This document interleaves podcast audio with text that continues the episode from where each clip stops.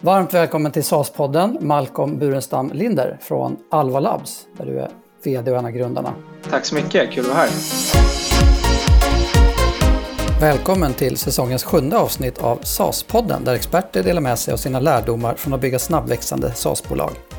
I dagens avsnitt pratar vi med Malcolm Burenstam Linder, medgrundare och VD på SAS-bolaget Alva, som hjälper företag att rekrytera objektivt och databaserat. Malcolm, som har bakgrund både från investmentbank i London, snabbväxande e-handelsbolag och EQT Ventures, delar med sig av tankarna bakom att Alva grundades, varför rekrytering är svårt och hur Alva försöker lösa dessa utmaningar med sina digitala verktyg. Vi pratar om hur olika tester kan hjälpa till att öka kvalitet och objektivitet i rekryteringsprocesser, vad potential är i en kandidat och varför det väldigt ofta är värdefullt att lyckas rekrytera personer med hög potential till tillväxtbolag. Jätteroligt att du ville vara med. Jag ser jättemycket fram emot att få höra mer om, om eh, Alva och er eran tjänst och, och vad som ligger bakom den. Men innan vi hoppar in på det så berätta för lyssnarna, vem är Malcolm och vad är din bakgrund som leder dig fram till att du nu är på Alva? Ja, bra fråga. Jag ska försöka hålla det eh, någorlunda kort och koncist. Men eh, jag är född och uppvuxen i Stockholm, eh, pluggade på Handels här i Stockholm. Eh, där jag eh, spenderade, så under mina tre år på Handels spenderade jag största delen av min tid främst där på SEC Business Lab, alltså handelsinkubator. Där jag satt med mitt första startup-bolag eh, som heter Eventbook. Eh, vi var en eh, digital bokningstjänst för företagsevent och konferenser. Eh, så det höll vi på i lite drygt två, tre år. Eh, jag och mina två medgrundare eh, var 18, 19, 20 år gamla och hade ganska dålig koll på vad vi höll på med. Men eh, sjukt rolig erfarenhet och verkligen så här, försmak till att liksom, bygga någonting från scratch. Um, och um, ja, sen hade jag superkort, eh, också en del av handelstiden, en kort eh, sväng i London när jag var, eh, jobbade alltså på en sommarinternship på eh, investmentbank, Merrill Lynch. Där jag också skrev fulltidskontrakt för att eh, ja, flytta heltid till London. Eh, men hamnade sen istället eh, lite av en slump faktiskt, eh, på e-handelsbolaget Furniturebox. Eh, där jag var i lite drygt tre år från ganska tidigt stadie. Det var liksom inte, bolaget hade funnits ett par år men det var fortfarande kanske i, i storleksordning startup. Eh, så kom jag in precis där i, i skiftet när det blev en renodlad så nordisk eh, e-handlare. Eh, och det var två två och ett halvt, tre år. Eh, fantastiskt kul så här, tillväxtresa, verkligen. Så här, product market fit. Eh, ångest för att det växte så, eh, så fort. Men, men fruktansvärt kul. Eh, och vi växte teamet också ganska mycket från cirka 5-6 anställda till 50-60 personer på lite drygt ett och ett halvt år. Och sen så efter det så gjorde jag ett litet sidohopp eh, kan man säga. Så gick jag till EQT där jag jobbade i också lite drygt tre år eh, och var väl lite så här udda, udda fågel kanske. Inte typisk profil, eh, möbelhandlare som de kallar mig ibland, att gå till private equity. Men de, hade en, en, de har en EQT, en roll som de kallar för management associate som är motsvarigheten till någon slags vd-trainee-roll. Så därför lite mer spännvidd i bakgrund och erfarenheter för jag jobbar inte direkt då i någon av fonderna. Ehm, så där jobbade jag i den rollen lite drygt ett år under dåvarande vd Thomas von Kock. Eh, som också var en fantastiskt kul tid. Så det var liksom primärt för att få jobba med just Thomas då, som jag hoppade på det. Jag hade mindre koll på exakt vad jag skulle göra. Ehm, och sen hade jag turen då att Equity Ventures som då var en, liksom ett av de lite mer tysta projekten där skulle liksom bli verklighet. Så det var också en av de huvudfokusen som jag fick lägga rätt mycket tid på. Jag eh, var med och liksom resa och starta fonden och sen hoppade jag på eh, investeringsteamet där och jobbade där i lite drygt två år. Och eh, sen efter det blev det Alba och nu lite drygt tre och ett halvt år med Alva. Snyggt. Så vad, vad gör Alva? Så Alva, vi är ett, då givet det här samtalet, B2B SaaS-bolag eh, inom eh, det ganska liksom, breda begreppet HR-tech och lite mer specifikt inom rekrytering och ännu mer specifikt så digital och datadriven kandidatutvärdering. Eh, så vår produkt mer konkret är liksom ett datadrivet beslutsstöd eh, som är utvecklat på liksom en kombination av, av forskning och eh, väletablerad forskning inom framförallt organisationspsykologin. Eh, och med hjälp av liksom mer modern teknik kan vi eh, få eh, liksom högre utväxling på den här forskningen med liksom bättre distribution och bättre eh, användarupplevelse för både liksom, våra kunder då, som är framförallt liksom, rekryterare och rekryterande team eh, och inte minst eh, kandidaterna som, som går igenom rekryteringsprocessen. Um, så value proposition är egentligen liksom, eh, våra kunder ska få rätt person på rätt plats på ett så effektivt och objektivt som möjligt med en liksom, fantastisk kandidatupplevelse. Snyggt. Och vad var det som, om man backar tillbaka lite, vad var det som gjorde att ni startade Alva? Liksom, vad hade ni sett som gjorde att ni kom på att nu ska vi starta det här? Från min tid på Furniturebox så har jag väl liksom omedvetet eller medvetet gått och funderat kring liksom, problemområdet. Eh, för där var jag ju då liksom väldigt ung och grön eh, med och, och, och byggde Furniturebox och som sagt växte vi teamet ganska mycket, eller ganska snabbt. Eh, och där var det verkligen uppenbart, liksom min upplevelse från den tiden var att det var otroligt svårt att liksom bygga rätt team. Eh, och det var absolut, tycker jag, min eh, och kanske vår största utmaning under den tiden. Sen blev det bolaget fantastiskt bra ändå, men, men där fanns det nog mycket man kunde ha gjort bättre också. Eh, och det liksom, ibland blir det bra, men ibland eller allt för ofta blir det fel. Eh, och jag, min tydliga känsla som jag hade från, från den tiden var liksom hur otroligt svårt det var just att utvärdera kandidater på ett liksom objektivt sätt. Eh, och det kändes som att jag ganska ofta tog beslut på mer eller mindre lite oklara grunder. Som exempel, någon har också pluggat på Handels. Eh, och då får man någon eh, liksom odefinierad arbiträr premie av mig som jag inte riktigt vet varför. Eh, eller någon har också spelat tennis och då pratar vi om det i halva intervjun. Och, och sen så eh, när man går igenom sin liksom, kandidatpool där så är det liksom ganska mycket magkänslan som styr. Eh, och ibland blir det superbra. Eh, men, men det är nog mer tur än, än något annat. Sen den tiden har jag gått och funderat på det eh, och liksom också sen under EQT-tiden där när vi som team träffade så otroligt många bolag. Eh, så är det uppenbart, liksom, det är väl nästan en klyscha nu att liksom, people, people, people. Eh, att det är teamet som spelar roll. Men hur utvärderar vi då teamet? Liksom, är det liksom, att man har gjort de här grejerna tidigare på CV? Är det det som är liksom, nyckeln och den prediktiva indikatorn för att någon kommer bli framgångsrik? Eh, och där tror jag vi alla har eh, hundratals exempel på folk som inte har passat i någon given form som ändå varit otroligt framgångsrika. Så att vi gick och funderade på liksom, vad finns någonting under ytan där eh, än det mer liksom ytliga som vi oftast pratar om kring liksom erfarenheter och, och, och sådär. När man liksom börjar gräva i, i det så kommer man ganska snabbt då in på liksom forskningsfältet. Det finns ju hur mycket eh, forskning och liksom, eh, studier gjorda inom det här fältet, liksom brett och vitt. Och mm, det finns ju många ingångar till problemställningen, men en av utmaningarna är ju liksom den väldigt elementära liksom mänskliga eh, utmaningen kring kognitiva bias. Eh, där vi som liksom, människor är ju mer eller mindre programmerade eh, urminnes tider att liksom, ta in information, förenkla och kategorisera den för egentligen så här, fight or flight. Eh, och det skulle jag säga liksom är kärnan, eller en del av kärnan i den här grundutmaningen. Hur kan man liksom, eh, identifiera och förstå den här biasen som kommer in? Och det kan ju vara allt ifrån liksom, om, du, om du tänker att du rekryterar här en person till ditt team eh, eller ska göra en utvärdering på ett grundarteam. Eh, då vet vi liksom, ja, finns möjligheter och risker att tycka mer eller mindre om någon som är kort eller lång, ung eller gammal, någon har barn, någon har inte barn, man eller kvinna och så vidare. Och det där händer liksom i, i, oftast liksom, eh, undermedvetet det är det som också då är kärnan i problemet om man tänker sig liksom praktiska rekryteringen. Sitter vi och scrollar på LinkedIn eh, och går igenom massa CVn eller läser CVn och personliga brev. Och då är det mer eller mindre omöjligt för oss att liksom objektivt sortera varför vi gillar den ena kandidaten men inte den andra. Eh, och hur kan vi då liksom objektivt jämföra kandidater mot varandra och ha någon slags säkerhet i den bedömningen. Eh, och det finns ju hur mycket studier som helst här på liksom, utmaningar här. Och en, en som är lite intressant som gjordes för ett par år sedan som är mer på eye tracking för att mäta hur, ja, de mäter massa saker men bland annat liksom hur lång tid eh, som en genomsnittlig rekryterare eller chef läste ett CV.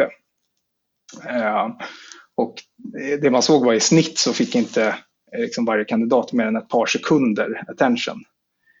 Eh, och under den tiden så hinner man ju knappt identifiera liksom kundens namn, kanske titta på bilden och identifiera någon eller några loggor på CVt. Och då är frågan då, är det ett rättvist, träffsäkert och liksom effektivt sätt att göra den utvärderingen? Eh, å andra sidan lägger man ner väldigt mycket tid, eh, en halvtimme per CV, eh, då har vi kanske inte så bra ROI på den eh, tiden vi lägger ner. Eh, för vi är fortfarande ganska ytligt eh, i termer av liksom utvärdering. Lång harang här, men, men liksom lösningen på, som vi anser på, på det problemet och som man också, liksom det som jag tror vi tyckte var intressant när vi gick igenom det här var då att finns det här fältet inom forskningen, liksom, kallar det brett liksom, organisationspsykologin, eh, som har studerats i decennier. Och det finns väldigt liksom, tydlig evidens, tydliga stöd som, som de allra flesta är väldigt överens om är både liksom valitt och har väl bäring i verkligheten kring eh, dels hur vi kan och bör liksom utvärdera individer, hur man ska fundera på liksom olika mätpunkter och hur det i sin tur sen också liksom, Eh, korrelerar med eh, ja, men job success eller liksom arbetsprestation. Eh, och där kommer vi liksom, varför Alva? Ja, men, hur, liksom, var, varför är det gapet mellan liksom, teori och praktik? Varför är inte den här forskningen liksom, household i varje team? Varför pratar vi inte om de eh, sakerna när vi liksom pratar om en ny rekrytering eller, eller kandidater? Det är väl liksom varför Alva? Etablerad forskning men förbättra den, eh, den praktiska tillämpningen av forskningen. Om man ska säga så. så det handlar om att göra det mer tillgängligt då, på något sätt, med en digital produkt, antar jag? Palva hävdar inte att vi har hittat någon liksom, silver bullet, eh, någon X-faktor som ingen någonsin har identifierat, eh, varken i praktiken eller forskningen, utan vi bygger vår produkt på liksom väletablerad forskning, men eh, innovationen ligger snarare sen i liksom paketeringen och distributionen och användarupplevelsen och även sen under, liksom under huven hur vi med liksom bättre teknik också kan göra testerna i sig eh, mer robusta, prediktiva och mer effektiva. Eh, men i grunden är det liksom samma guldstandardforskning som, som är kärnan. Nu om jag nu ska rekrytera eh, personer här eh, till mitt snabbväxande mjukvarubolag, vad är det jag behöver tänka på som ni kan hjälpa mig med? Jag tror att först och främst också att rekrytering är supersvårt eh, och med Alva så är det fortfarande svårt. Men vi kan göra, hjälpa dig att göra mer rätt och ha högre liksom, säkerhet där. Men det finns liksom ingen hundraprocentig säkerhet, det är fortfarande viss varians. Eh, men det vi ska fundera på då, och det är liksom också forskningen ofta landar i och så som vi liksom tänker kring, kring vår produkt eh, och som vi jobbar väldigt mycket med våra kunder kring, är att om vi tänker på en specifik roll och vad vi då eh, vill utvärdera mot den rollen så kan man säga att lite generellt så finns det liksom två kategorier av Eh, bedömningsunderlag eh, som, som liksom varje individ kan, kan ha då mot en specifik roll. Och det kallas då för liksom potential eller å andra sidan readiness. Ehm, och det är väl mer eller mindre bekanta begrepp, men potential då handlar mer till liksom personens underliggande fallenheter och beteenden, liksom förmåga och vilja att lära sig nya saker, Eh, liksom vet man vad man ska göra när man inte vet vad man ska göra eh, och så vidare. Liksom vem är man som, som person? Eh, och det andra då, å andra sidan, readiness spar, eh, pratar mer väldigt specifikt till har den här personen de kritiska erfarenheterna och färdigheterna som behövs för att liksom, bemästra en väldigt specifik roll eller arbetsuppgift. Eh, så det som liksom en kärna här är att, att också ta den tiden och verkligen tänka igenom den här liksom, Eh, rollprofilen. Vad är potential eh, i, för den här rollen? Vad är readiness? Och vad är verkligen kritiska saker i, inom readiness? Vad är inte den här långa önskelistan med liksom 100 kriterier? Eh, för ett så finns inte den individen och finns den så är det liksom ett enormt litet eh, sample av, av kandidatpoolen där ute. Eh, och troligtvis är inte alla saker på den listan Eh, heller viktiga på riktigt, utan det är lite mer vanity. Eh, det är skönt att se de sakerna, men det kanske faktiskt inte spelar roll på, över tid. Eh, och, och det man har då liksom generellt identifierat eh, är att den här liksom delen då, potential, det är den delen som har liksom störst bäring mot eh, arbetsprestation, eh, framförallt liksom över tid, vilket är ju sjukt spännande. Så det betyder i princip att, och det är liksom ganska praktiskt, ja, men, eh, vad kommer skillnaden vara då om man tänker sig eh, om du ska anställa en Python-utvecklare?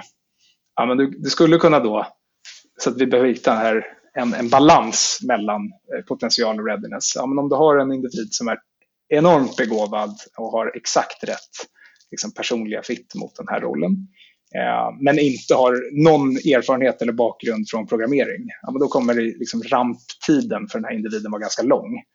Eh, men någon gång kommer den här individen att liksom, komma ikapp. Eh, så där blir det liksom en trade-off-fråga. Eh, så att man behöver då verkligen identifiera vilka de här kritiska kompetenserna är som man kan, faktiskt inte kan tumma på. Intressant, för jag tänker på, det är några olika saker som, eh, som en följdfråga där, men om vi tar den första jag hade var ju på bara lite grann hur det här går till då. Så det sker någon form av test som skickas till kandidaten. Vad, vad är det ni testar så att säga? Vad är, vad är ni utsätter kandidaten för? Precis, väldigt konkret så är det inom Alva då eh, två stycken psykometriska tester då, som det heter. Eh, där vi mäter dels personlighet Eh, och det andra då generell logisk förmåga. Eh, och det är de två liksom, eh, vad guldstandardmetoderna inom forskningen som, som eh, eh, korrelerar starkast just mot det här begreppet och potential. Våra kunder lägger in Alva som förhoppningsvis ett steg så tidigt som möjligt i sin rekryteringsprocess. Eh, där vi har liksom störst hävstång på metoden, både i tidsbesparing eh, men också i att vi Eh, kan då utvärdera många fler kandidater och hjälpa till med liksom det tunga, tunga arbetet i början för att få ner kandidatpoolen till ja, en högkvalitativ grupp kandidater som vi då sen ska spendera tid på eh, som rekryterande team. Så, så den som ska göra rekryteringen använder liksom testet för, för, för alla de kandidater som man ja, vill, vill få vidare i sin process och sen får man ut något resultat på något sätt som gör att man kan börja sortera i den här mängden. Exakt, och, och precis. Och vi, vi hjälper till utifrån den här definitionen om rollen att matcha kandidatens resultat mot, eh, mot just det du behöver i ditt team för den här rollen. Eh, så du kommer få liksom en algoritmisk eh, eh, poängscore per kandidat. Och den kan variera också lite beroende på, på roller och kontext och sådär. Så där, det är väl också en av de sakerna som vi jobbar mycket på traditionellt så har man använt de här liksom, metoderna och så får man liksom, eh, många sidors långa eh, matiga pdf-rapporter eh, som är liksom, insiktsfulla och eh, bra och värdefulla. Men det är fortfarande ett lager då som är ganska svårt och tidskrävande att sen tolka det här resultatet mot det du faktiskt letar efter. Och, och där vill vi ta bort så mycket liksom, friktion som möjligt men också ta bort så mycket risk som möjligt att man ändå lägger viss liksom, subjektiv bedömning eh, på resultatet. För så vad är det det har fallit på? Då? Jag tänker mig, det, det blir någon form av poängsystem här ändå bland kandidaterna, som hur väl de matchar det som den som rekryterar letar efter. Exakt. Vad kan det, vad kan det vara som det faller på då, så att säga, om, man, om, man har låga, om man har låga poäng här, liksom, att förstå resultatet? Beroende då på till exempel liksom, komplexiteten i rollen. Så det, det, är också en viktig del att vi, vi ska inte vi tror inte heller på att mer alltid är bättre i praktiken utan vi ska definiera eh, den här rollprofilen utav, utifrån vad vi faktiskt behöver. Så det är en fråga om liksom hur väl, om man tar till exempel på målmedvetenhet, ja men då har jag liksom under medel till exempel på målmedvetenhet eh, så kan det för vissa roller då eh, vara en, en sämre matchning mot just den eh, profilen. Och så viktas de liksom, resultaten mot, mot varandra. Som rekryterare letar man efter olika profiler beroende på om man ska in en säljare till exempel eller en Python-utvecklare. Så... Exakt, för det finns ju väldigt mycket information i, i båda de här testerna och framförallt liksom personlighetstestet mäter ju, i vårt fall då 15 olika faktorer. Eh, och för vissa typer av roller så kommer inte alla de här 15 faktorerna att ta ha bäring på det som faktiskt behövs sen. Eh, så det handlar också om att liksom välja ut de delarna som faktiskt har prediktiv förmåga. Och det kan ju då, precis som ditt exempel, eh, variera mellan en mer kundorienterad säljande roll mot en mer teknisk analytisk roll till exempel.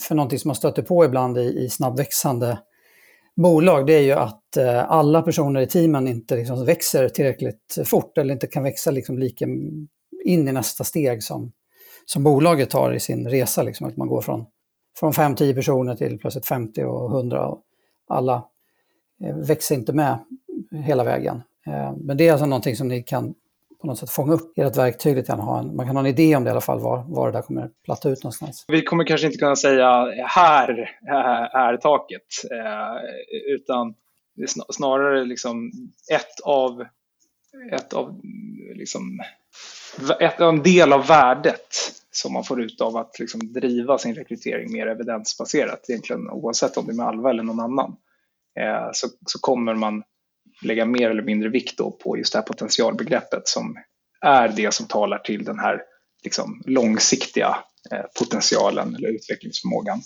Och det är dels kan ju vara eh, allt eftersom bolaget skalar, men det kan ju också vara vilket är verkligheten i vårt team. Det finns ju folk i vårt team som har bytt roller tre gånger redan.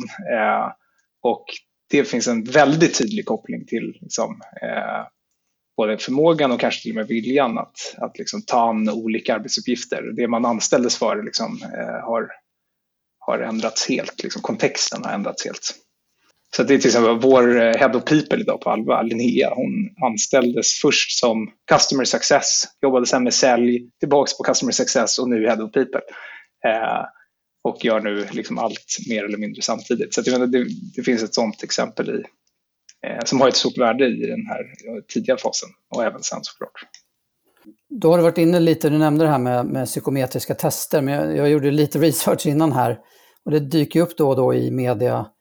Eh, nu senast var det väl i DN här bara för, för några, några veckor sedan, månad sedan, någon eh, artikelserie som ifrågasätter det här med, med alla tester som man utsätter eh, arbetssökande för. Fungerar det här verkligen? Liksom? Och, och, och, vad är, liksom, vad är din, ditt svar på den frågan för de som kändes lite skeptiska till det här med att testa. Ja, men det är en superbra och jätterelevant eh, fråga. Eh, och jag tror att, som sagt, det kommer kom ju lite sådana här eh, olika kritik eh, med mer eller mindre jämna mellanrum. Liksom, överlag så är väl Alvas position att vi ofta håller med om kritiken. Sen så finns det utmaningar i att kritiken kanske ibland blir lite väl kategorisk och svepande och drar liksom allting och all, allt och alla över en kam. Eh, men det finns ju några saker som man kan ta fasta på som, som vi verkligen håller med om. Och det är ju att alla psykometriska tester är till exempel liksom inte skapta för att användas i eh, rekryteringssammanhang liksom, där vi ska liksom, kvantitativt utvärdera kandidater. Eh, så att, då, då, kan man nämna två tester som jag tror ganska många känner till. Eh, till exempel DISK, eh, de här fyra färgerna, eller Eh, MBTI eller Myers-Briggs eh, som är väl det mest använda personlighetstestet i, genom tiderna. Eh, som är ju två tester eh, utan att gå in på liksom, teorin bakom, men de, de har ju inte eh, ett resultat på individnivå där man kan säga att ah, men du Johan är mer eller mindre eh, av någonting än mig. Eh, det går liksom inte att jämföra oss på en normativ skala, utan det kommer alltid vara byggt på liksom relativt mig själv. Eh, och det kan ju ha verkligen, så man ska inte diskvalificera de typerna av tester heller. Det kan verkligen ha sitt syfte i liksom mer så utvecklings, eh, eh, personlig utveckling, teamutveckling för att liksom eh, skapa ett språk kring eh, den här liksom dimensionen som skiljer oss åt och vi kan liksom prata om, prata om det som, som grupp. Eh, men man ska ju absolut inte använda det i liksom en utvärdering mot, mot kandidater för där har vi liksom ingen evidens att det är varken liksom rättvist eller träffsäkert. Eh, så det är väl en del. Och sen den andra delen, det är väl också så här, det är verkligen en del av Alvas mission och det är liksom kandidatupplevelsen. Att jag tror att historiskt har man i den här liksom vertikalen eller den här industrin kanske eh, verkligen suttit i så företagets eh, båt. Eh, och inte riktigt funderat på hur man liksom, å andra sidan gör, gör det här till en först och främst liksom, transparent och schysst och fair upplevelse men andra, liksom, i förlängningen även hur kan det till och med vara liksom, värdeskapande för kandidaten. Eh, det här är inte storebror som liksom, utvärderar och synar i sömmarna utan det här handlar om att båda parter ska eh, hitta rätt matchning. Liksom. Så att, ja, utan att gå igenom alla, alla olika, all olika kritik så tror jag det är liksom vår syn generellt kring det. Man ska använda rätt, rätt test till rätt saker, är väl ett sätt att se det. Exakt. Det är viktigt att vara liksom ganska kvalitetsmedveten här. Liksom att det är väl, välutvecklade, välbyggda psykometriska tester som är utformade för just det här syftet. Eh, och jag tänker också att ni, så här, ni måste samla på er massa intressant data i alla de här testerna. Liksom, vad, finns det några spännande saker ni kan göra med det än? Eller är det för tidigt på er resa? Eller vad, vad... Ja, men det är nog lite för tidigt än. Vi jobbar ju med en del av våra kunder för att göra sådana liksom, eh, studier och titta på om man kan hitta framförallt kunder som har kanske lite, lite mer data och lite större. Det är ju jättespännande att fundera på över tid hur vi kan liksom, ta forskningsläget ytterligare, eh, ytterligare längre i termer av vad vi kan förutsäga och förutspå. Eh, så det är absolut superspännande. Och vad, jag tänker så här när man, för du var inne på det innan själv också, att du, du um, rekryterade många personer på Furniturebox och det, någonstans handlar det ju inte bara om att liksom varje enskild rekrytering ska lyckas i sig, utan det är ju ofta är det ju ett gränssnitt med andra människor som man ska passa ihop med. Och vad, vad brukar ni ge för råd där, eller vad har ni för liksom, tanke kring att, att använda det här som ett stöd i att liksom forma team och, och vad finns det för insikter runt hur man kan använda det här när man ska bygga sitt team? Ja, och det är super, superspännande. Det man kan säga är väl att forskningen är liksom väldigt tydlig kring hur vi ska tänka och utvärdera liksom, individen mot en specifik roll eller kontext. Eh, sen så vad gäller liksom, inom citationstecken eh, receptet till det framgångsrika teamet så har vi liksom, hittills mindre eh, tydlig evidens i vad det, hur det teamet ser ut och, och vad det innebär. Uh, och anledningen till det kan vara många, men dels tror jag att det är liksom otroligt komplext. Det är så många variabler som, eh, som är beroende av varandra. Eh, dels liksom gruppen i sig och sen så yttre kontexter, företaget och så vidare. Så det, Ehm, eh, man behöver göra mer jobb där, men det är superspännande. Eh, men det jag tror man kan säga, så att liksom vår ståndpunkt där är att eh, fokusera på att liksom, fokusera på potential så kommer liksom gruppens totala potential också att vara så stor som möjligt. Men sen kan man ju ändå ta, liksom, om man tittar på vad, vad finns det för effekter Eh, kanske så fördelar och ut, eh, ja, så säga, styrkor och utmaningar med olika teamstrukturer. Och det ena är väl liksom det som kanske ja, många själva har upplevt, liksom det här att jobba i väldigt homogena eller heterogena team. Och där finns det väl ganska tydliga så, eh, för och nackdelar. Eh, slår väl in eh, öppna dörrar där, men en, en väldigt eh, homogen grupp kommer ju i regel troligtvis ha liksom lättare att snabbt komma till någon slags samsyn och beslut. Eh, men löper också större risk för liksom likriktning och kanske lite groupthink. Eh, Medan å andra sidan heterogena team visar sig eh, ha mer avvikande åsikter, liksom mer hälsosam konflikt eller ohälsosam. Eh, vilket eh, är liksom en fördel i en mer komplex problemlösning. Eh, men det, liksom, utmaningen med det är att det kommer krävas mycket mer jobb för att få ihop den gruppen så att de dels trivs med varandra men också liksom arbetar effektivt.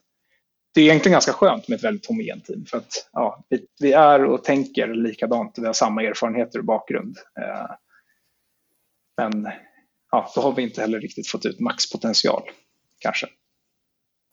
Men kan det finnas olika, i olika situationer, olika passar bra också kan jag tänka mig. Så det är väl, men det är väl något att ha vi pratade om det i det förra avsnittet i SAS-podden, det här med att aldrig har väl så många människor fått betalt för att egentligen sitta och tänka.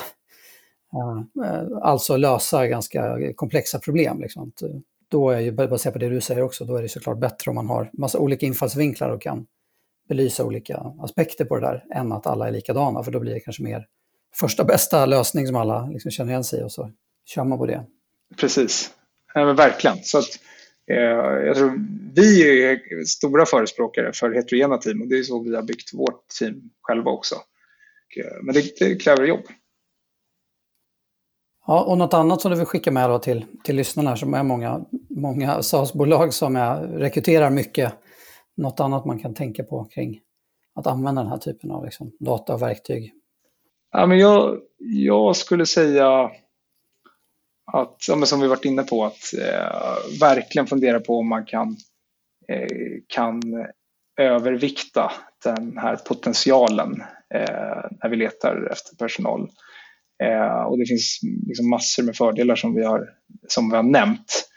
Eh, och en av dem också kan ju liksom bredda kandidatpoolen också. Vi kan vå, om man litar på metoden kan vi liksom också bredda kandidatpoolen. Vi kan leta utanför Stockholm, utanför Sverige för talang. Eh, och trots att man då kanske inte nödvändigtvis liksom verkligen eh, känner till kandidaternas CV. Eh, men eh, kan istället då lita på fundamenten där istället.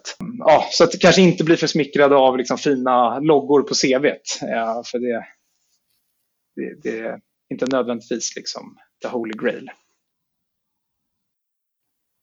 Jag hade en fråga till där. Är det någon, ni, ni, har ju olika typer av bolag i er kundbas. Är det någon skillnad på liksom startups och små tillväxtbolag med, med era större kunder? Något, något där du kan lyfta fram som Nej, jag skulle säga att det är ganska, ganska generell eh,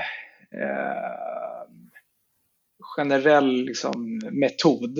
Eh, men kanske att det är, och det vill jag egentligen inte uttala mig om det, om det är mer eller mindre viktigt, men det är absolut viktigt i startups och tillväxtbolag som vi var inne på där med, eh, med potentialen där liksom kontext och förutsättningar ändras eh, hejvilt. Eh, och jag tror att en, en fördel, och det tycker jag är jag tycker själv att det är väldigt kul med, med vårt team på Alva, eh, där vi har liksom levt efter evidensen sen vi var eh, bara grundare. Att eh, det är otroligt häftigt att bygga team eh, liksom på det här sättet från start. Så att, eh, ja, kan, kan man, det behöver inte vara med Alva, men kan man, kan man eh, liksom bli evidensdrivna i teambygget så tidigt som möjligt så kommer det ha stor, stor effekt över tid tror jag. Vad tror du är den största skillnaden som, som vad är det ni har vunnit på det som ni hade kunnat missa annars? Jag tror just att eh, väldigt liksom, heterogent diversifierat team. Vi är ju nu lite drygt 20 pers, nästan 10 nationaliteter. Eh, I princip 50-50 tjejer och killar. En mängd olika bakgrunder, erfarenheter, psykologer, forskare, ingenjörer, eh, jobbat från ja, i massa olika miljöer. Och det är ju så krävande. Vi behöver jobba superaktivt med liksom kultur och, och eh, alla de bitarna. Eh, men eh, man känner också vilken enorm liksom, kraft det är i teamet eh, på alla håll och kanter.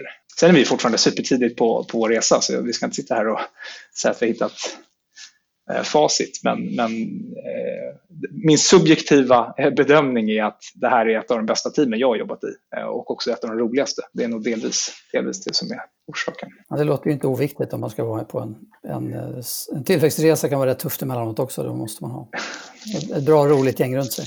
Exakt. Och eh, om vi ska gå in lite grann på um, eran SAS-affär då. Vad, vad kan du dela med dig av där? Hur gör ni en SAS-business av det här? Ja, men det här är liksom historiskt sett för, för den här vertikalen så har man kommit från att eh, sälja test eh, per styck. Eh, ganska dyrt, vilket gör att det inte riktigt varit ekonomi för företaget eller för kunden att, att göra det här på skala. Utan man har gjort det lite som ett, ett sent steg i processen, likt att man ringer en, två, tre referenser. Eh, så mer hängslen och livrem. Fördelen dels nu börjar ju kundens eh, liksom, rekryteringsstack, HR-stack, är i princip nu bara SAS-bolag. Eh, så det är också väldigt naturligt att, att även Alva är det eh, som en viktig komponent i liksom, rekryteringsprocessen. Ehm, och möjligheten med SAS för den här typen av produkt är just att det blir helt annan ekonomi i att, att ja, göra den här typen av metod på, på mycket större volymer och skala. Okej, så ni tar inte betalt per test då? Nej. Så att, sen har vi ju en pristrappa som idag drivs av liksom volym på, på rekryteringsvolym. Så att ja, drar man det tillräckligt långt så kommer man ner till ett proxy per, per test eller per kandidat. Men det finns inget sånt styckpris. Utan inom respektive tier så är det liksom free, free unlimited use. Hur har det varit när ni har kommit ut mot kunderna då, när, när ni kommer med en ny modell? Hur har det tagits emot? Det är ganska bra tycker jag. Vi, jag tycker inte vi har eh, stött på patrull kring konceptuellt kring affärsmodellen. Sen är pricing supersvårt. Eh, att eh, veta exakt hur man ska... Och den, det kommer väl aldrig sluta att förändras och optimeras. Eh, men att verkligen landa i en prismodell som, som är tydlig och också för kunden väldigt tydligt förknippat med, med värde. Det är ju väldigt lätt, tycker jag, nu när vi har hållit på här ett par år, att man liksom bygger en prismodell utifrån ja, helt inside out istället för att fundera på vad, vad är det kunden kommer ändå se som liksom value driver. Pricing är supersvårt, det säger jag inte att vi har löst, men, men SAS för den här typen av tjänst har, har inte varit något problem. Kan du berätta lite mer om det då med, med just era prissättnings... Olika, olika stegen jag gått igenom där, för det tror jag många känner igen sig i att man brottas med. Vad, vad har fungerat bra? Vad har ni liksom lärt er? Vad har ni hur har ni angripit det över, över de här åren? Ja, precis. Och vi har ju snurrat runt på ett par olika eh, modeller och om jag tänker tillbaka nu här på alla olika varianter så har, har väl vi i och för sig varit i olika lägen där mer eller mindre kunnat knyta en kostnad till exempel till per test eller per kandidat. Eh, men där vi mer går mot att det är liksom antal rekryteringar som är drivaren. Eh, och Eh, också varit inne på och funderat på, vi idag har inte liksom någon direkt koppling till seats, liksom antal användare hos kunden. Eh, det har vi också liksom testat olika varianter på. Eh, men det till exempel är ett sånt konkret exempel där vi, vi hade en sån, ett sånt experiment där vi liksom funderade på om, om antal users skulle vara drivaren. Där kändes det ofta som att vi och kunden liksom inte kopplade värde till, till samma sak. Och då kom det, så där vi är nu är snarare mer kopplat till liksom hiring plan. Okej, hur många, hur många man ska rekrytera? Ja, precis. Schysst. Och vad, hur säljer ni det här då? Vad är er go-to-market? vår go-to-market är hittills varit ganska liksom outbound-fokuserad.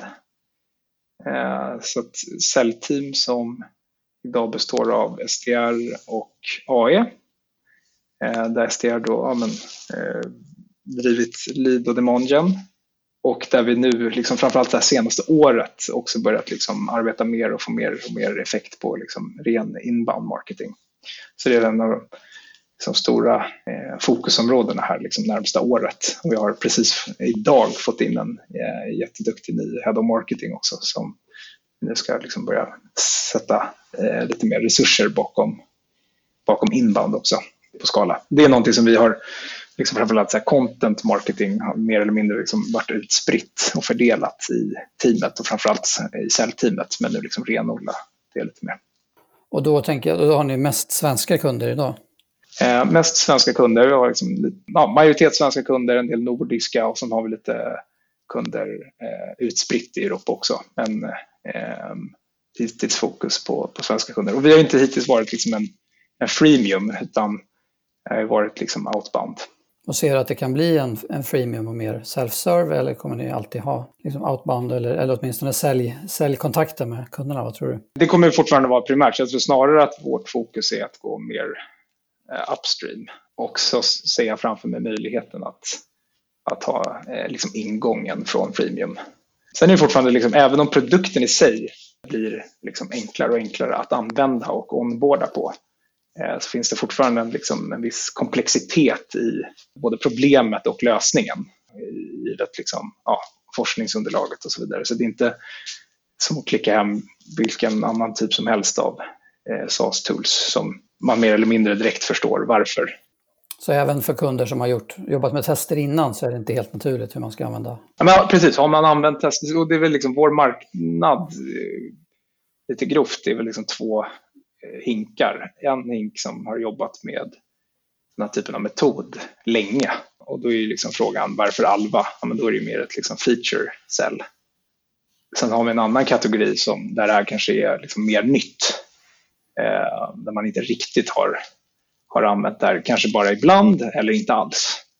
Och då är det ju ett liksom, större jobb att, att eh, sälja in och landa i liksom, varför är det här viktigt. Och, och vad, vad ligger liksom kontraktstorlekarna på ungefär?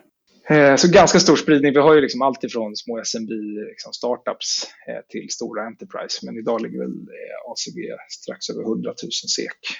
Ja, men grymt. Vi går över till våra, eh, vår klassiska avslutning här på SAS-podden med de fem snabba om SAS. Så när hörde du först talas om SAS?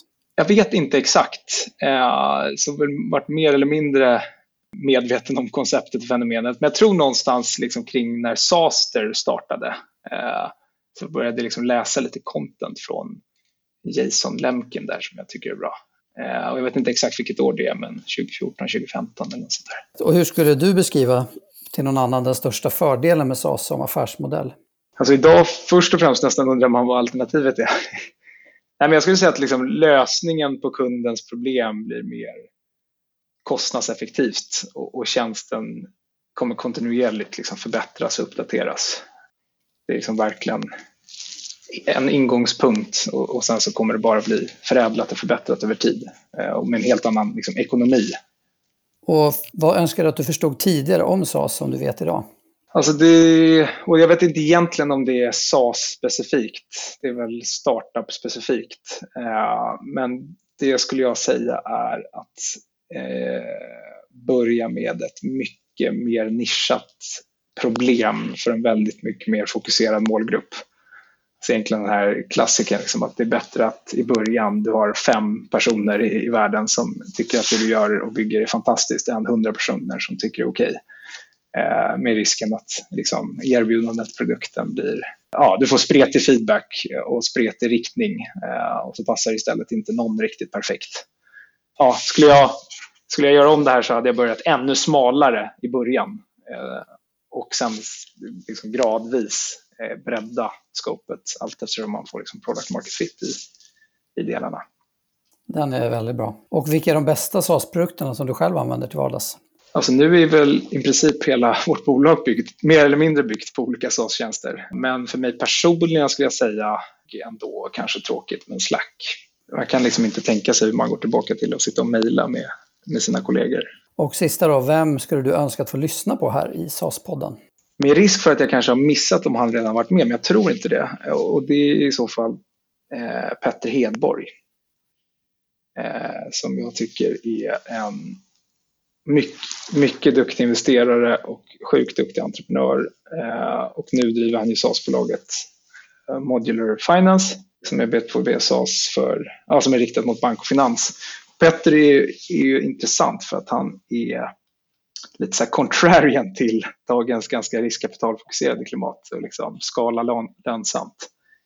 Eh, och istället för att fokusera på så här mega miljard dollarmarknader eh, fokusera på en liten marknad som man kan liksom bli bäst inom. Det hade varit sjukt kul att höra. Riktigt bra förslag. Det måste vi försöka fixa. Jag har också träffat Petter några gånger och han är fantastisk. Malcolm, stort tack för att du var med här på SAS-podden. Tack själv, det var jättekul.